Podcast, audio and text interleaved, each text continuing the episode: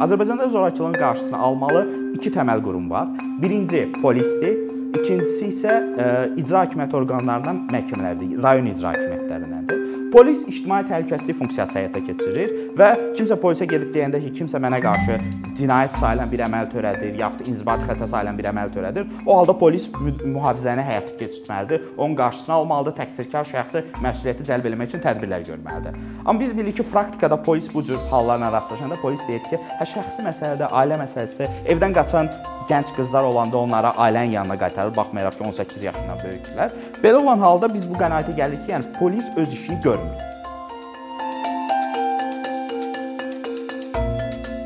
Salam dostlar. Mənim adım Səməd Rəhimlidir. Mən hüquqşünasam və bizim bugünkü mövzumuz əkinçi layihəsində məişət zorakılığının qarşısının alınmasıdır. Bir məsələni vurğulayım ki, mən burada formal hüquqi bir yanaşma üçün gəlməmişəm ki, yəni filan qanun var, o qanun bunu deyir və o qanuna nə cür istinad edə bilərsiniz. Yəni sizi qanun barədə məlumatlandırmağa gəlməmişəm. Əgər biz həmin qanunun yaxşı işlədiyini və yaxud da həmin qanuna əsaslanan praktikanın yaxşı işlədiyini düşünürdüksə də biz bu görüşü təşkil eləməzdik. Çünki o qanun işləsəydi bunu müzakirə eləməyin də mənası olmazdı. Amma təəssüf ki, o qanun və ya qanunvericilik işləmir. Ona görə də biz yenidən məişət zorakılığı mövzusunu müzakirə eləməli oluruq. Qeyd elədiyim kimi, mövzumuz məişət zorakılığı və məişət zorakılığının qarşısının alınması.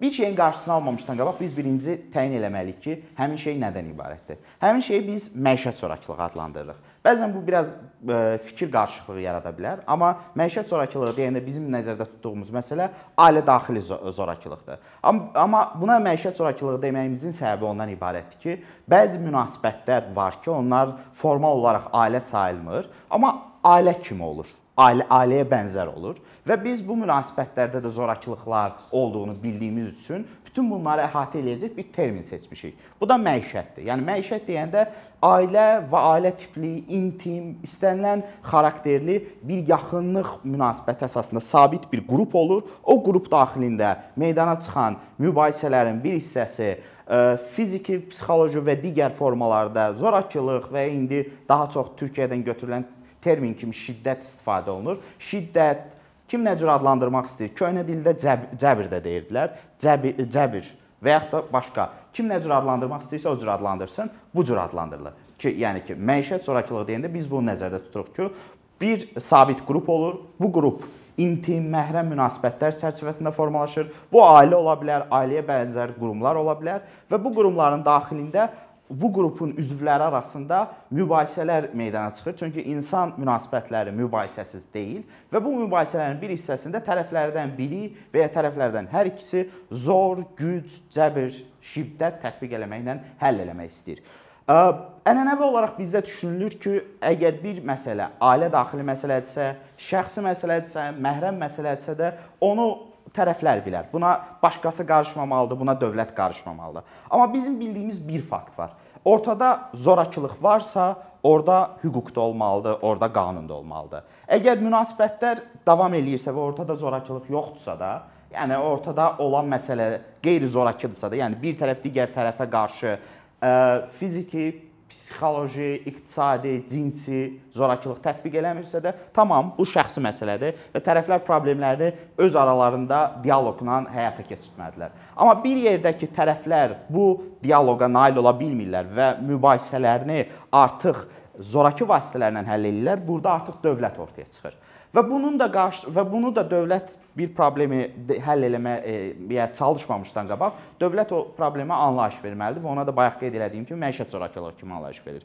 Ondan sonra bir məsələ gəlir ki, heç də zorakılığın bütün növləri heç də eyni deyil. Bayaq sadaladım ki, bəzi növlər fərqləndirilir. İlk ağlımıza gələn növü zorakılığın ə, fiziki zorakılıqdır. Fiziki zorakılığı biz aşağı-yuxarı hamımız bilirik. Nədən ibarətdir? Döymək, vurmaq, yaralamaq, işgəncə vermək, əzab vermək, söhbət təbii ki, fiziki əzabdan verir. Yəni e, öldürmək, hətta o öldürmək də daxildir. Bunlar hamısı fiziki zorakılıqdır. Yəni başqa bir şəxsin, insan sayılan, fərd sayılan şəxsin, e, diri şəxsi e, hər hansı bir ağrı yetirən, fiziki ağrı yetirən, istənilən xarakterli akt Əgər həmin aktın əsaslandığı bir zərurət yoxdursa da fiziki zorakılıqdır. Əsaslandığı bir zərurət də yalnız özü müdafiədən irəli gələ bilər. Yəni kimsə məni öldürmək istəyir, mən özümü qorumaq istə e, qorumaq üçün onu öldürürəm. Kimsə məni döymək istəyir, mən özümü qorumaq üçün onu döyürəm. Bunun xaricində, yəni bu zərurət yoxdursa da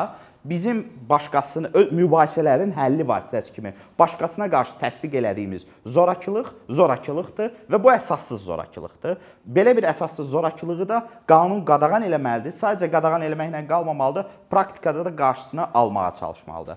Məişət zorakılığının ən böyük problemi ondan ibarətdir ki, bu ə, şəxsi sahədə qapalı bir sahədə baş verdiyi üçün bunu adətən müəyyən eləməkdə çətinlik çəkir. Məsələn, çöldə olan ictimai yerlərdə olan zorakılıqları hamının qarşısında baş verdiyi üçün, zorakılıqlar hamının qarşısında baş verdiyi üçün bunları müəyyən etmək asandır. Amma evdə olan, qapalı bir yerdə olan insanların bu barədə məlumat vermək istəmədiyi zorakılıqların qarşısını almaq çətindir. Çünki şahidlər də danışmaq istəmir bəzən. Qurban özü də danışmaq istəmir ailə münasibətlərinə görə və yaxud da ümumiyyətcə o qurban vadar edilir ki, o danışmasın. Artıq bu vadar etmə məsələsinə gələndə biz zorakılığın ikinci növünə ayırırıq. Psixoloji zorakılıq. Yəni bu halda e, fiziki ağrı yetirilmir. Yəni öldürmək, döymək yoxdur.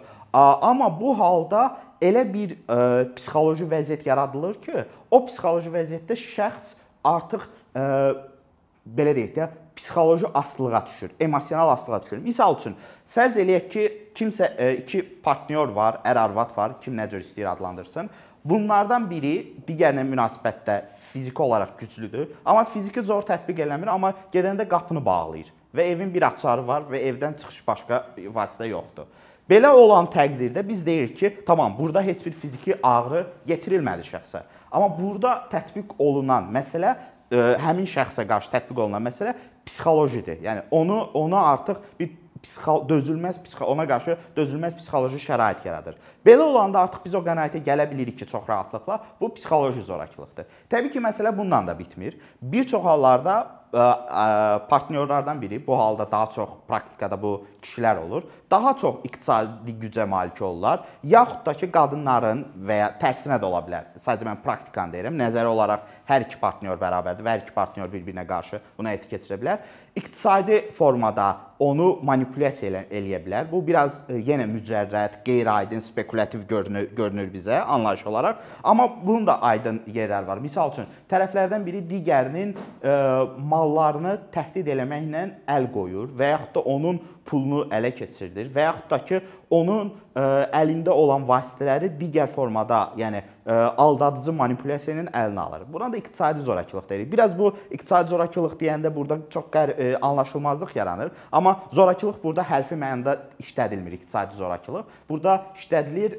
daha genişləndirici mənadakı. Burada o nəzərdə tutulur ki, tərəflərdən biri daha güclüdür və fiziki və psixoloji zor tətbiq eləmədən digər vasitələrlə iqtisadi olaraq digər tərəfi manipulyasiya eləyir. Təbii ki, bunların da yanında e, Azərbaycan qanunvericiliyinə baxsaq, məişət zorakılığının qarşısını alması haqqında qanuna baxsaq, biz görürük ki, zorakılığın 3 növü ayrılıbdır, amma e, ümumiyyətlə ümumiyyətlə biz e, bu qənaətə gələ bilərik ki, zorakılığın 4-cü növü də var. O da cinsi zorakılıqdır. Təbii ki, cinsi zorakılıq fiziki zorakılıqla da müşahidə oluna bilər psixoloji zorakılıqla, yəni təhdid eləməklə də müşahidə müşayiət oluna bilər.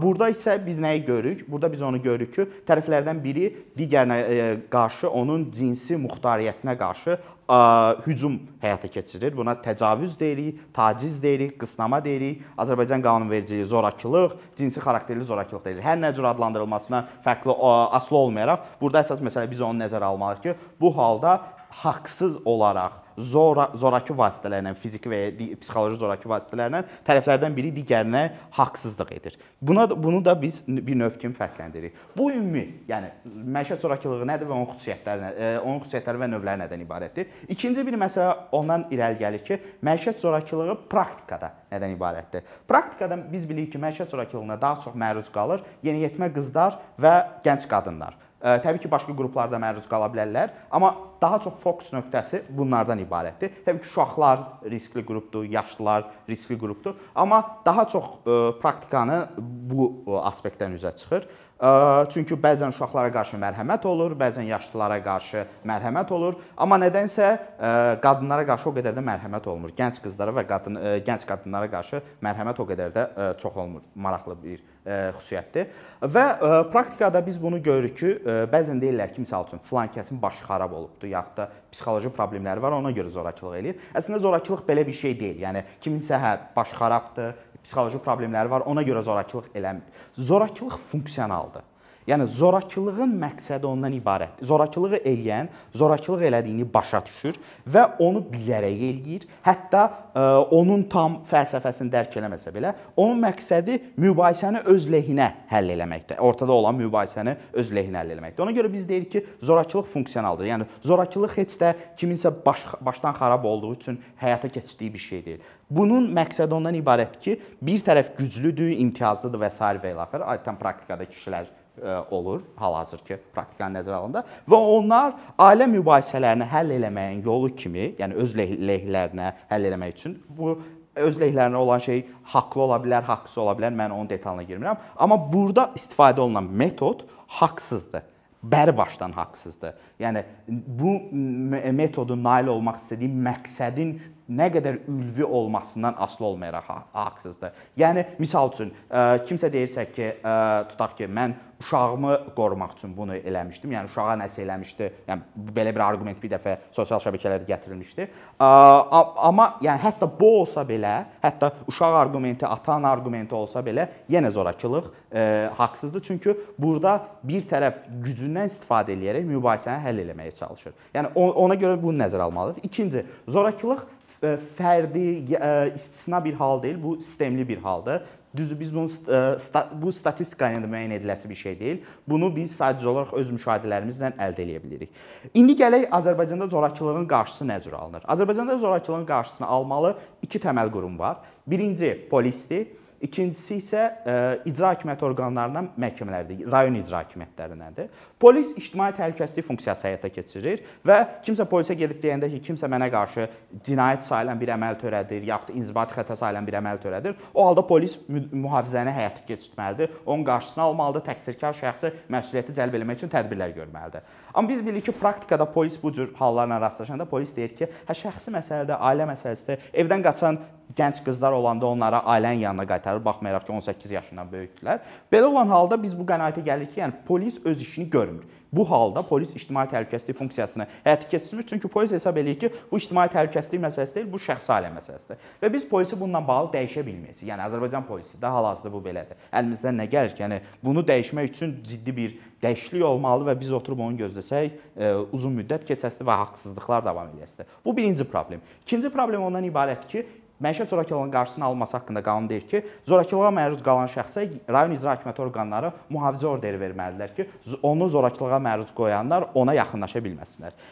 Qısa müddətlini verməlidir rayon icra hakimiyyəti orqanları. Daha sonra uzadılma məsələsini isə rayon məhkəmələri həyata keçirməlidir. Pro problem ondan ibarətdir ki, rayon icra hakimiyyəti orqanları da bu məsələyə belə yanaşırlar ki, bu şəxsi ailə məsələsidir. Buna biz qarışmamalıyıq. Gedin barışın, özünüz bilərsiniz. Yəni praktikada, statistikaya da baxanda bəlli olur ki, rayon icra hakimiyyəti orqanları çox aşağı sayda verirlər mühafizə orderlərini və bir çox yerlərdə heç xəbərləri də yoxdur, maraqları da yoxdur ki, bu məsələni versinlər. Və rayon icra hakimiyyətləri indiki hökumətə tabedir və onun iradəsi altındadır və biz indiki hökumətin bu məsələdə mövqeyinə baxanda bizə aydın olur ki, indiki hökumət maraqlı deyil bu məsələdə. İndiki hökumət bu məsələni veribdi e, yerli adət-ənənələrin, e, yerli icmaların səlahiyyətinə, yurisdiksiyasına ki, sizlikdir. Və formal olaraq rayon icra hakimiyyəti orqanlarına səlahiyyət veribdi, amma həmin səlahiyyətdə faktiki olaraq icra olunmur, praktikada icra olunmur və ə, e, mühafizə həyata keçirilmir. Belə olanda da digər faktorların, iqtisadi, sosial faktorlarla da bərabər, iqtisadi faktorlar deyəndə iş imkanlarının aşağı olmasını nəzərdə tuturam qadınlar üçün. Sosial faktorlar deyəndə düşüncə amilini nəzərə alıram ki, yəni zorakılığa məruz qalan şəxslər e, məruz qalmağa davam eləyirlər və evdən çıxmırlar. Evdən çıxmamaqda onunla nəticələnir ki, zorakılıq davam eləyir proses davam, məişət zorakılığı davam edir. Və belə olan halda biz bunun indi baxmalıyıq ki, qarşısını nə cür ala bilərik? Mövcud sistem işləmir, problem var, problem sistemli problemdir və bunun qarşısını nə cür ala bilərik? Mənim təklifim bununla ə, e, əlaqəli nədən ibarətdir? Mən ə, e, hesab edirəm ki, bu problemin həlli yolu ə, e, budur. Birinci addım təhlükəsizlik, ikinci addım sığınacaq, üçüncü addım fəaliyyət. İndi bunları izah edeyim. təhlükəsiz və mən hesab edirəm ki, bu 3 addım ə, dövlət və vətəndaş cəmiyyətinin ə, bəzi hallarda birgə, bəzi hallarda isə vətəndaş cəmiyyətinin ayrıca fəaliyyətini tələb eləyir. Birinci addım təhlükəsizlik, əmniyyət. Bu ə, vətəndaş cəmiyyətindən gələ biləcək bir şey deyil. Təhlükəsizlik dövlətin funksiyasıdır və təhlükəsizliyi dövlət təmin etməlidir. Amma bayaq qeyd etdiyim kimi dövlətin təhlükəsizliyini təmin etmədiyini biz bilirik ki, praktikada qanun işləmir və mühafizə orderləri verilir, polis də maraqlı deyil bu məsələdə. Dövlət bu təhlükəsizliyi necə təmin edə bilər? indiki mənim təklif etdiyim modeldə. Mənim təklif etdiyim model ondan ibarətdir ki, mühafizə orderləri ə, icra hakimiyyəti orqanlarından alınmalıdırlar. Onlar bu orderi verə bilmirlər, bunu bacarmırlar. Yəni bunda da maraqlı deyillər. Və o səlahiyyət onlardan alınmalıdır, verilməlidir birbaşa məhkəmələrə, rayon məhkəmələri olasıdır təbii ki. Və rayon məhkəmələrinə belə bir sübut etmə standartı gətirilməlidir ki, bu işlərdə siz yalnız ərizəçinin izahatı əsasında orderləri, mühafizə orderlərini verin. Yəni evdən qaçan bir şəxs, ilk növbədə evdən çıxıb gedən bir şəxs, hansı ki, öz ənənəvi ailəsi də onu himayə eləməsə, o dövlətdən təhlükəsizlik gözləməlidir. Əgər ailəsi bunu təmin eləmirsə, bir çox hallarda da görürük ki, eləmir, deyir, ər evinə qayıtmalısan, ölsən belə. Və dövlətin bu halda təhlükəsizlik təmin etməsi üçün mühafizə orderi verilir, mühafizə orderi vermək səlahiyyəti verilir məhkəmələrə və məhkəmələrə deyilir ki, yalnız ərizəçinin izahatı əsasında bu orderi verməlisən. Məhkəmələr mən sizə praktikanı bilən biri kimi deyirəm ki, belə bir şeylə qarşılaşanda, belə bir instruksiya ilə qarşılaşanda onlar ərizəçilər, qurbanlar gələndə onlara çox rahatlıqla mühafizə orderi verəsilər və biz deyə bilərik ki, bu işlərə növbədən kənar və dərhal baxılmalıdır. Biz deyə bilərik ki, bu işlərə baxılanda bu işlərə ə, həmin şəxsin qeydiyyatda olduğu yerin məhkəmələri yox, Azərbaycandakı istənilən məhk rayon məhkəməsi baxa bilər ki, şəxs misal üçün Akstafa rayonunda zorakılığa məruz qalıbdısa da, amma Akstafada e, qalmaq onun üçün risklidirsə, o gedə, gedə bilər Şəmkirə və Şəmkir məhkəməsindən dərhal belə bir order ala bilər və bu order dərhal da göndərilməlidir polisə və icra, e, məhkəmə qərarlarının icra olunması üçün müvafiq icra orqanına göndərilməlidir. Və həmin şəxs order üstündə saxlaya bilər.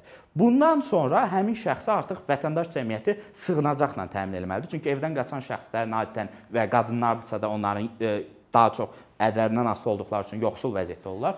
Bu artıq vətəndaş cəmiyyətinin bacarığına qalmalıdır ki, formal və ya qeyri-formal vasitələrlə onlar sığınacaqlar təmin eləsinlər bu sığınacaqların artıq nə cür təmin edilə biləcəyi məsələsi vətəndaş cəmiyyətinin yaradıcılıq imkanlarına qalıbdır ki, onlar bunu nə cür həyata keçirsinlər. Müvəqqəti və müvəqqəti sığınacaqlarda həmin şəxslər müvəqqəti qalsınlar və müvəqqəti qaldıqdan sonra isə vətəndaş cəmiyyəti təbii ki, mən dövlətə güvənmirəm. Mən hesab edirəm ki, dövlət ə, sosial funksiyalarını onsuz da yerinə yetirmir və bu məsələdə də dövlətə arxayın olmaq ciddi problem yaradır. Ona görə də vətəndaş cəmiyyəti bu məsələdə özünü tək hesab eləməlidir və dövlətdən hər hansı bir şey gözləməməlidir. Onsuz da gözlə onsuz da eləmirlər də formal istemal edirlər. Ən yaxşısı öz təşəbbüsdə bilsinlər ki, başqa istinad eləyəcəkləri bir yer yoxdur və özləri buna həyata keçirməlidirlər. Və ondan sonra da müstəqil, müstə, yəni evdən çıxıb müstəqil həyat, yəni zorakılıqdan qaçan adamların digər bir ehtiyacı isə təbii ki, iqtisadi fəaliyyətdir. İqtisadi fəaliyyəti də yenə vətəndaş cəmiyyətinin yaradıcılığına qalıbdır, bacarıqlarına qalıb, imkanlarına qalıbdır ki,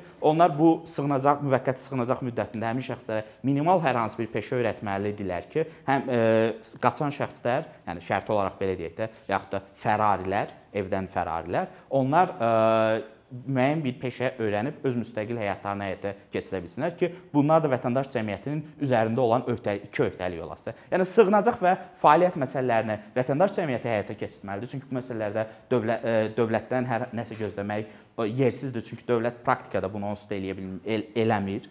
Azərbaycan hökumətinin marağı yoxdur və ümumiyyətcə dövlətlərin bunu e, bunu dövlətlər bunu çox bacarıqsızlıqla eləyir. Dövlətlər çox bacarıqsız varlıqlardır, bütün dövlətlərə aiddir və e, ona görə də dövlətlərin e, dən bu məsələdə mədət ummağın yeri yoxdur. Vətəndaş cəmiyyəti öz təşəbbüslərini bu məsələdə davam elətdirməlidir. Amma ən azından təhlükəsizlik məsələsində dövləti inandırmaq lazımdır ki, ən azından təhlükəsizlik məsələsini həll eləsin və bu da ondan asılıdır ki, rayon məhkəmələri ən azından mühafizə orderləri versinlər və mühafizə mühafizə orderləri məsələsində sual yarana bilər ki, yaxşı polis e, onsuz da təmin eləmir ictimai təhlükəsizliyi.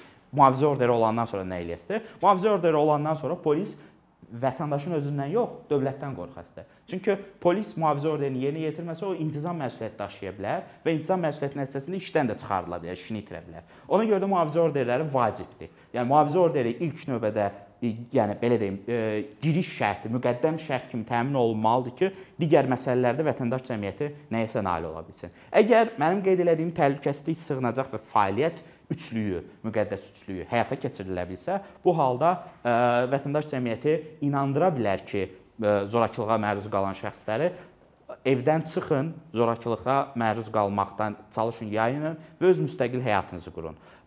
Bununla da mən hesab edirəm ki, ən az bir bir baxma məişət zorakılığının halları azala bilər. Digər bir tərəfdən isə hal-hazırdakı indiki praktik vəziyyətdə özünü güclü sayan tərəf artıq belə bir halda öz gücünü itirdiyini görə bilər ki, yəni artıq və öz gücünü itirəndə, öz gücünü itirəndə məişət zorakılığının da azalma ehtimalı ola bilər. Düzdür, bunu demək çətindir. Burada kompleks tədbirlər olmalıdır, amma hər bir halda buna ümid eləmək olar.